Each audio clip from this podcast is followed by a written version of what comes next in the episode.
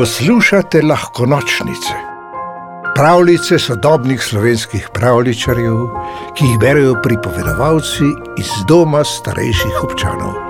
Maček Jure in prijatelji, sreča. Moje ime je Jure, sem maček, ki živi med bloki. Nisem od nikogar in sem hkrati od vseh, zato mi ni hudega. V glavnem sem tam, kjer se kaj dogaja, ali pa tam, kjer kaj dobim. Mački smo pač takšni. Za lažjo predstavo povem, da sem bele barve, le rep in levo uho imam črno. Rad opazujem okolico in se družim s prijatelji. Eden od njih je jež Igor.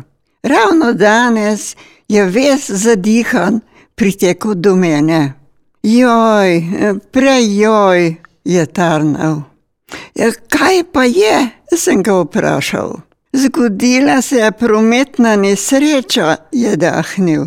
Pridi na pomoč.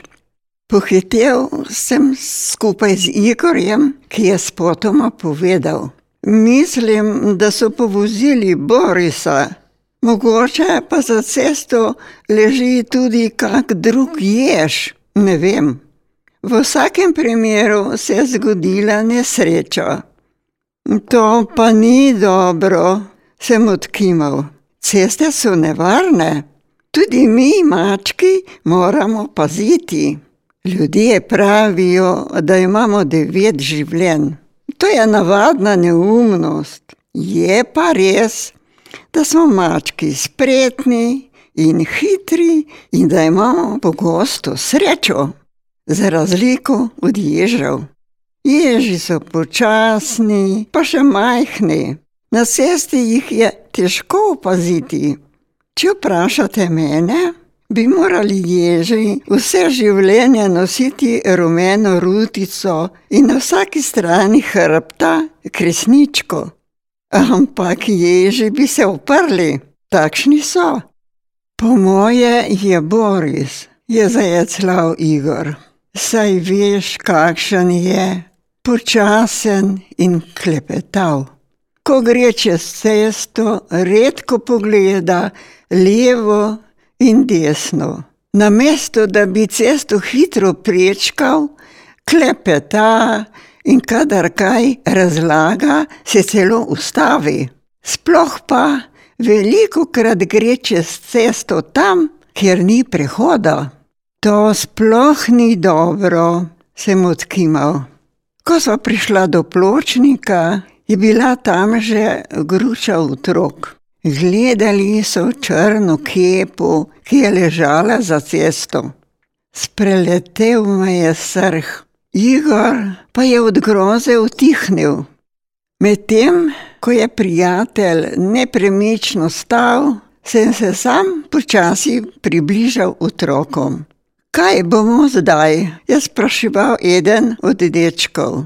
Pokličite reševalce, sem zamjavkal. Ampak otroci me niso razumeli, še pogledali me niso. Takrat je pritekla deklica. Zračna tlačilka, je kričala. Otroci so se razmaknili in naredili prostor, da je prišla do črne gmote. Hitro se je sklonila, se vzravnala in se še nekajkrat upognila in vzravnala. Že naslednji trenutek je črna gmota poletela v nebo.